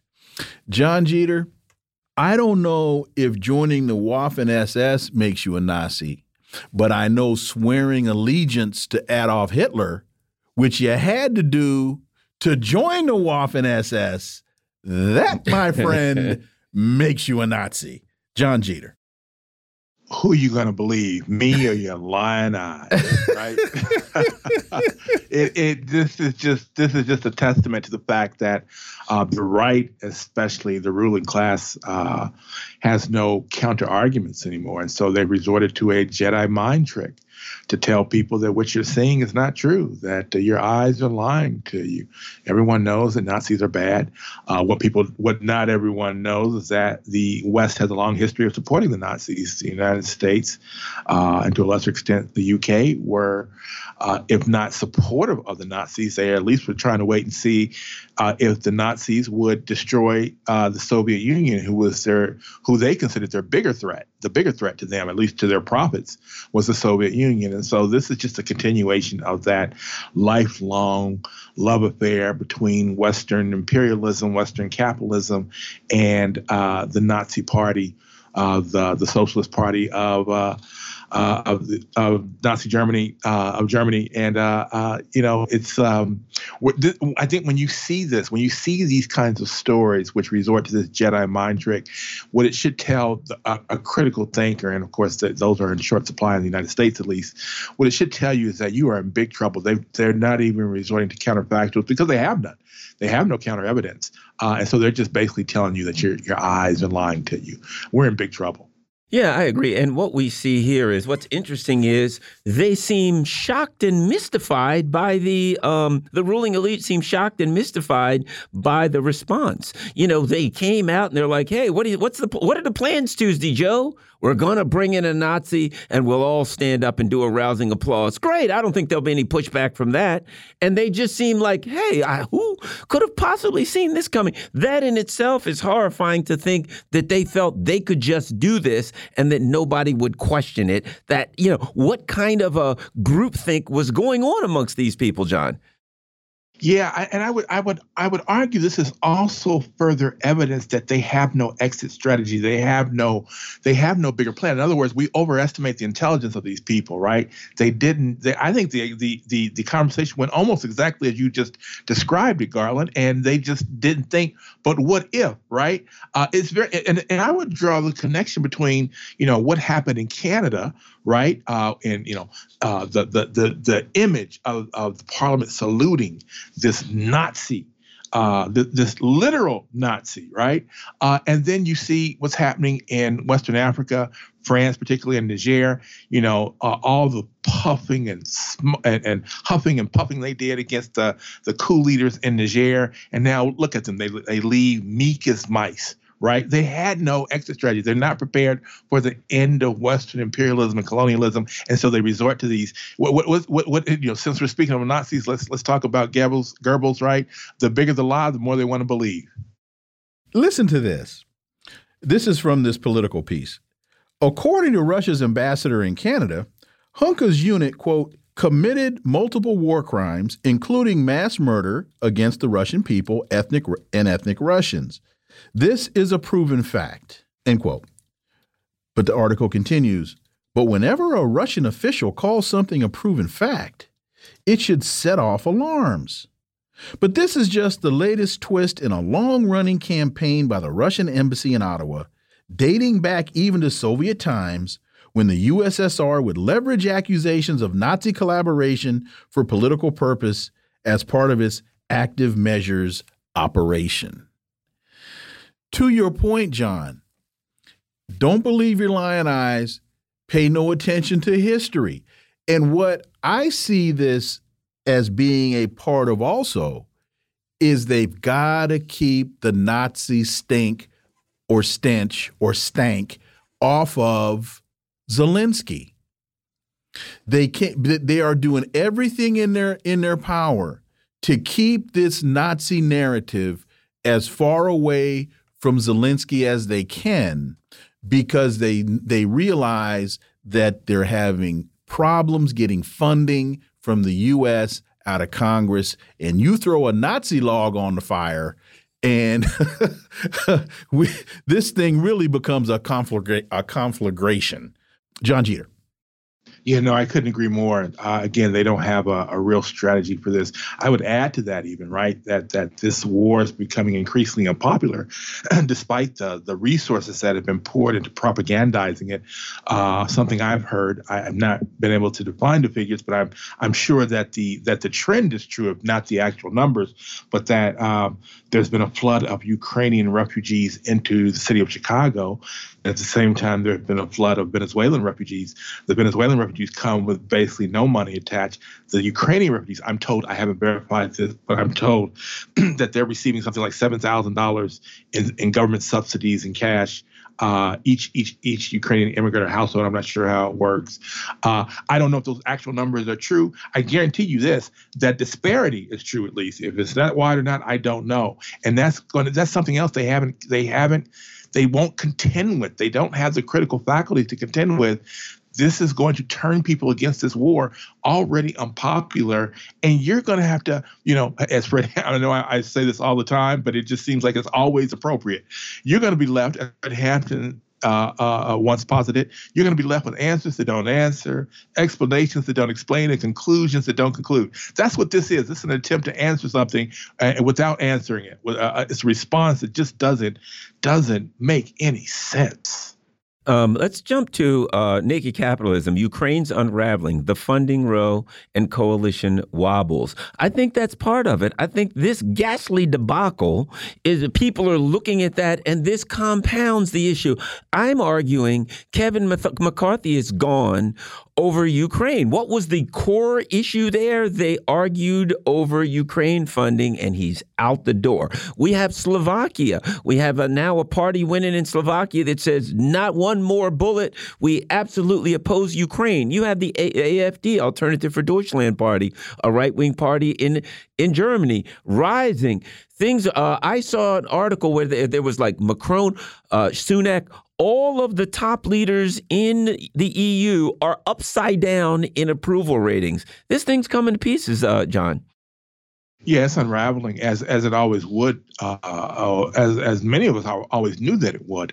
Uh, again, they don't have any counter narratives. They didn't think about. They didn't have a, an exit plan. They didn't have a, a plan B.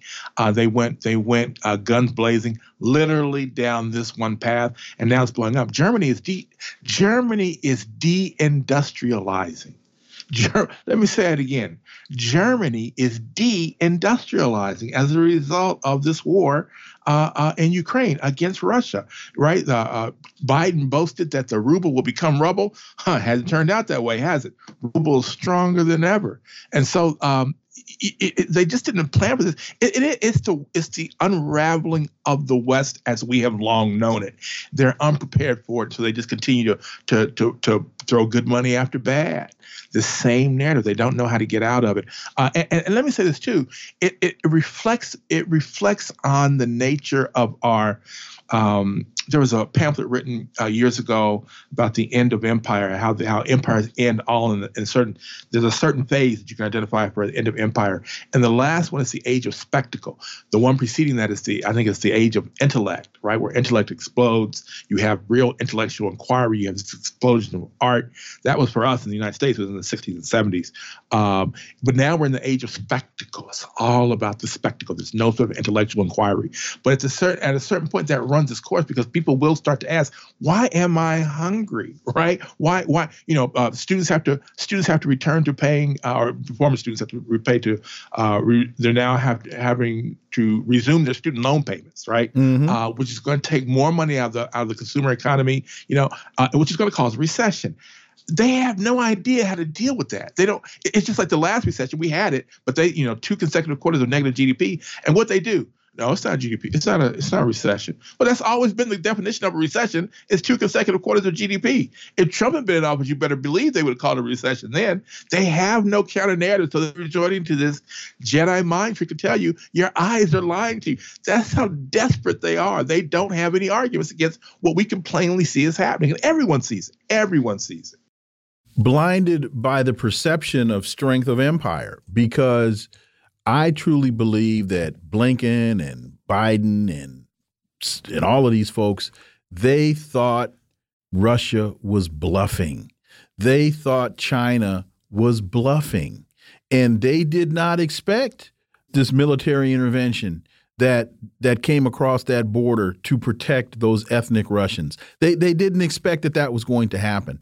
I think they really thought they could sit there with their chests all swole and believed that that Vladimir Putin would back down.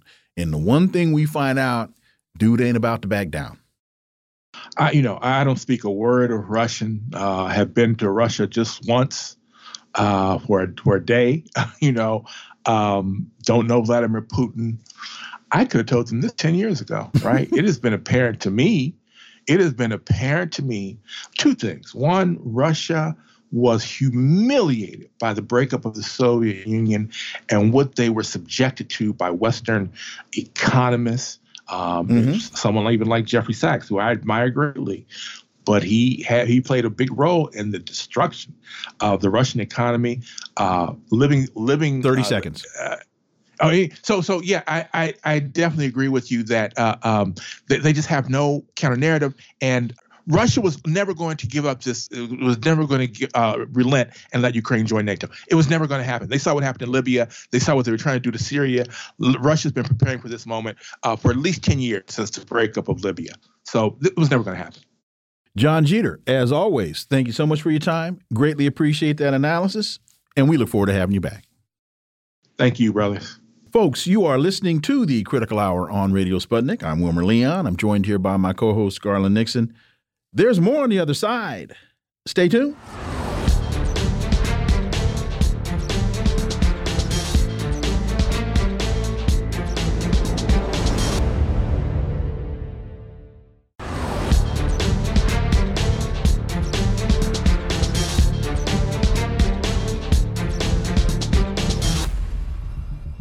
We are back, and you're listening to the Critical Hour on Radio Sputnik. I'm Wilmer Leon, joined here by my co host, Garland Nixon. Thank you, Wilmer. There's an interesting piece in Energy Intelligence entitled The India Mideast Europe Corridors Complexities. The U.S., together with a consortium of nations, including India and the EU, has announced the initiation of the India Middle East European Economic Corridor, or the IMEC the latest endeavor in its global infrastructure development strategy to counter Chinese influence. For insight into this, let's turn to our next guest. He's a former U.S. Marine Corps intelligence officer whose service over a 20 plus year career included tours of duty in the former Soviet Union, implementing arms control agreements, serving on the staff of U.S. General Norman Schwarzkopf during the Gulf War, and later as a chief weapons inspector with the UN in Iraq from 1991 to 98. And he's the author of this piece. Scott Ritter. As always, Scott, welcome back.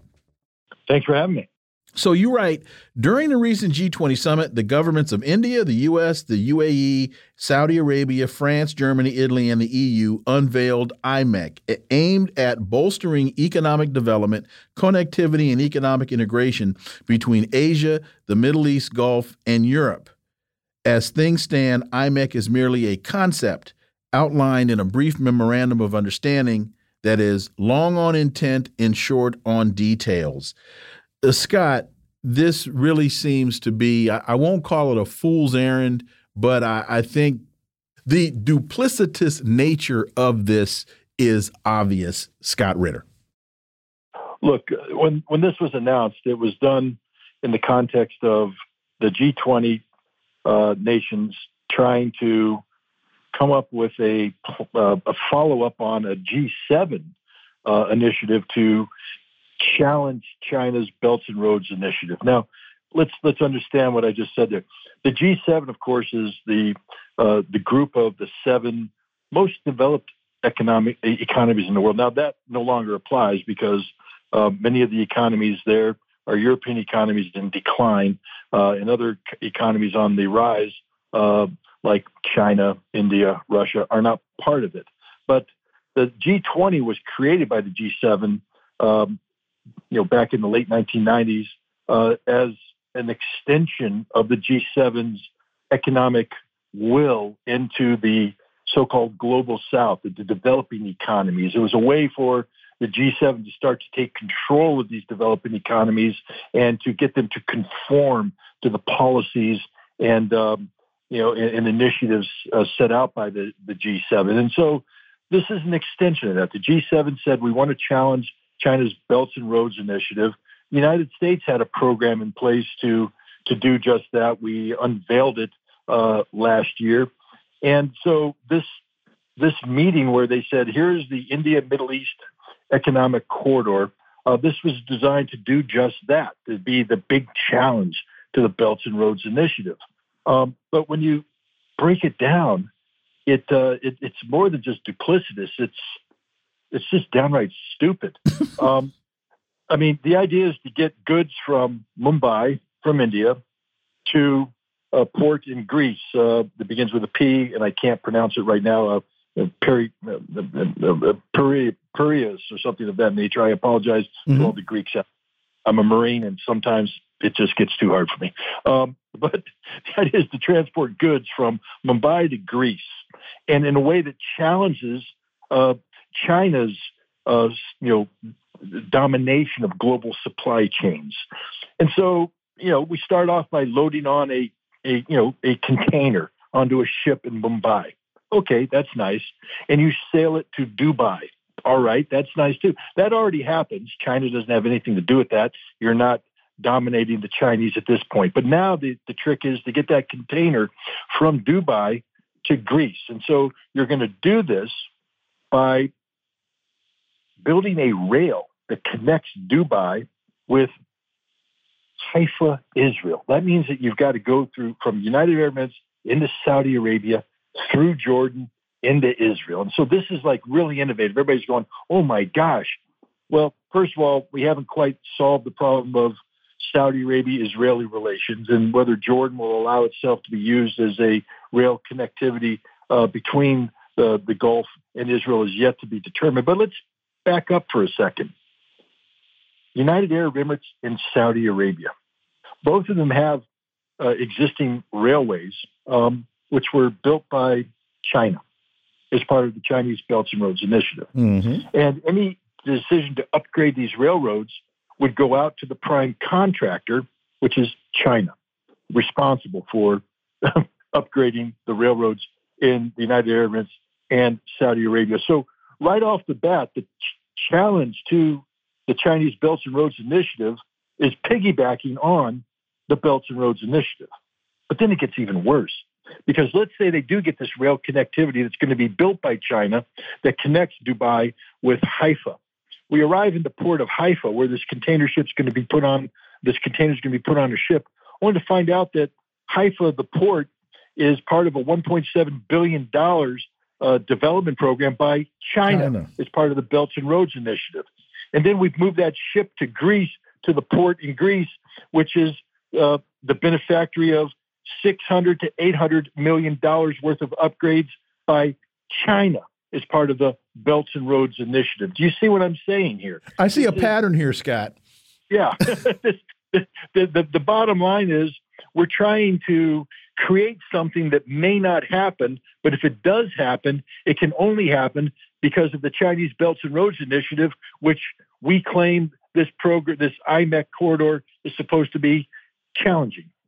So, actually, um, I guess number one, this project, which seems like it's not all that likely ever to be completed, but to, to some extent depends on the Belt and Road Initiative and would, in one could argue, would be kind of part of the Belt and Road Initiative. The other I, I, that I got to throw out there is this.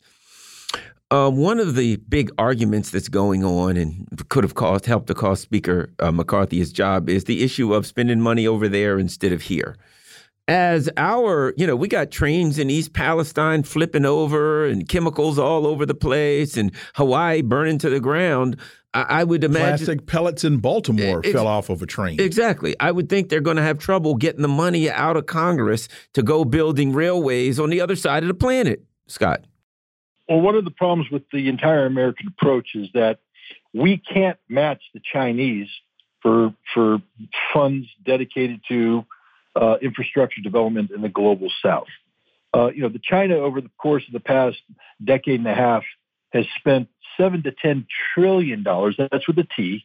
Um, uh, in its in, in, its Belts and Roads initiative. It it it, it literally has dedicated the Chinese uh, gross national product to this, and the gross national product has benefited from it.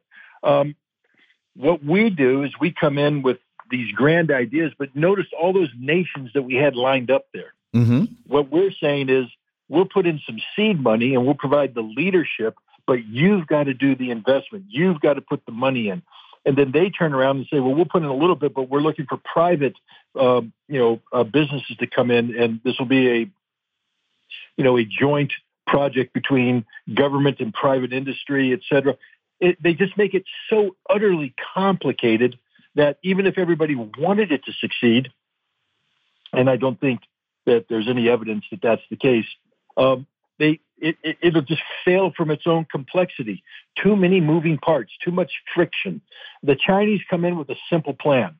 I'm a Chinese company. I'm going to build this. It's done. Uh, we come in with this conglomerate of nations that are competing with themselves, uh, nations that aren't willing to fund it themselves but need to go to private industry. Private industries are saying, "Hey, how much profit is this? Is this because we're not doing this for the national good? We're doing it for the shareholder." Um, this is this is literally the worst possible way uh, to to make this happen. And, and in the United States, look, I'll be I'll be honest here. You know, if we want better railroads, maybe it's time we sign up for the Belts and Roads Initiative. the Chinese know to build some pretty darn good railroads. Well, we got to borrow the money from them to do this. That's the other thing. In order to do the project, we'll have to get borrow money from the money China. from China anyway. And and the, and the, to, to Garland's point about the money United States is building railroads in other countries with this idea while we have railroads here that need repair. And, and Scott, you touched on this. China is able to invest in the Belt and Road because that's a Chinese government initiative. It's not, it, it may be a joint venture with outside entities, but the structure of the project is the Chinese government. Here, whether it's CSX or whether it's Amtrak, you're going to the profit motive as opposed to dealing with the ultimate objective of um, of joint benefit and the benefit of the whole. And private sector interests in this country can't seem to get there. Asia Times has a piece Ukraine's emerging modern military industrial complex.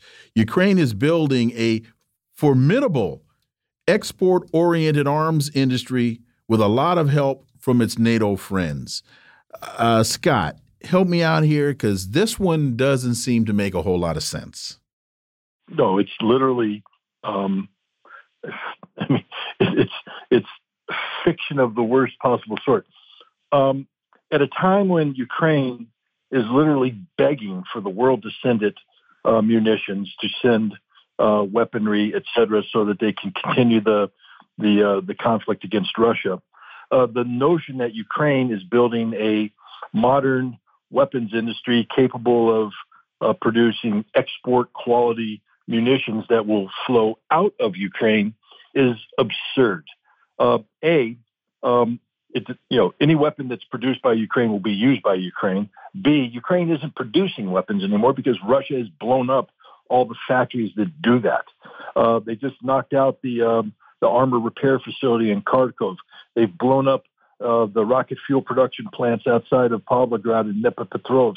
Um, you know, the, the idea that, you know, Rheinmetall is going to come into Ukraine and put down a multi-billion dollar, you know, state-of-the-art facility to produce tanks in Ukraine um, is stupid. The moment they started pouring concrete, uh, Russian missiles would come in and, and level the place. This is this is you know fan fiction, I would say, uh, designed to uh, create the uh, theory of uh, a post-conflict Ukraine that can turn its experience in war into uh, you know something that benefits the rest of the world. We are Ukraine. We beat Russia. We know how to beat Russia. Therefore, our weapons are the best in the world at beating Russia. Please come buy our weapons they aren't producing any weapons. They're not producing anything.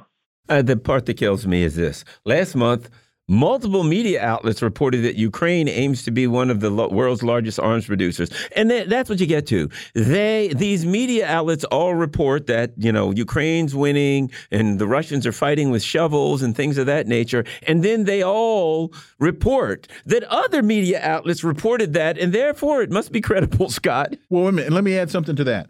Two lines. The U.S. military has signed contracts to set up new production facilities for artillery shells. Germany's Rheinmetall and Britain's BAE Systems have also recently established manufacturing bases in Ukraine.